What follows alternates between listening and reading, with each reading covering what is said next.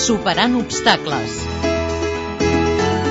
Un treball sobre l'autisme, un sobre l'esport de vela adaptada i un altre sobre l'ensenyament de la parla als nens sords de 0 a 2 anys van ser els que van obtenir els Premis Accés de Batxillerat 2008 que concedeix la Fundació Sals. Els alumnes de diferents punts de Catalunya van dirigir els treballs de recerca a temes concrets relacionats amb el món de la discapacitat. A més, aquest any, el jurat decidia concedir un accèssit a un treball que exposa la vida d'una persona que té l'Alzheimer i que ho fa en forma de novel·la. Prop de 50 treballs es van presentar per optar a aquests guardons. Pere Esteve explica la repercussió als instituts. Teníem que arribar a les escoles, perquè els treballs de recerca de batxillerat són els futurs professionals empresaris que han de tenir sensibilitat per aquest món.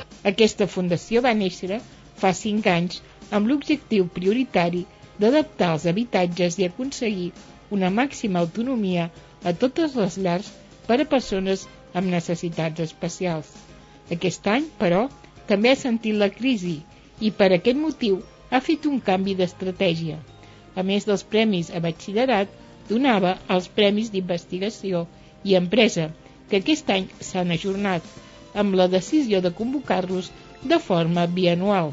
D'aquesta manera, ho explicava Pere Esteve. Per això volem fer-ho cada dos anys per intentar impulsar una mica més tot el concepte d'investigació, a veure si ens en sortim.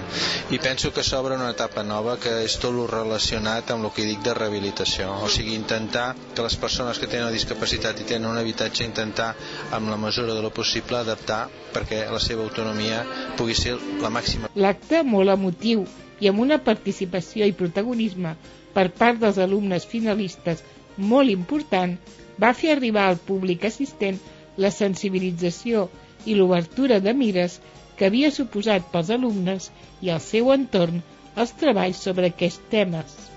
La Fundació es mostra molt satisfeta de la gran participació i de l'interès i entusiasme que manifesten tots els participants. Aquest any ja n'han sigut 48, quasi bé.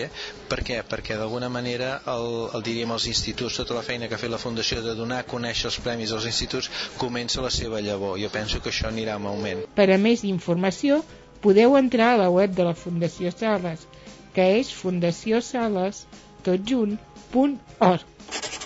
Montse Pous, periodista.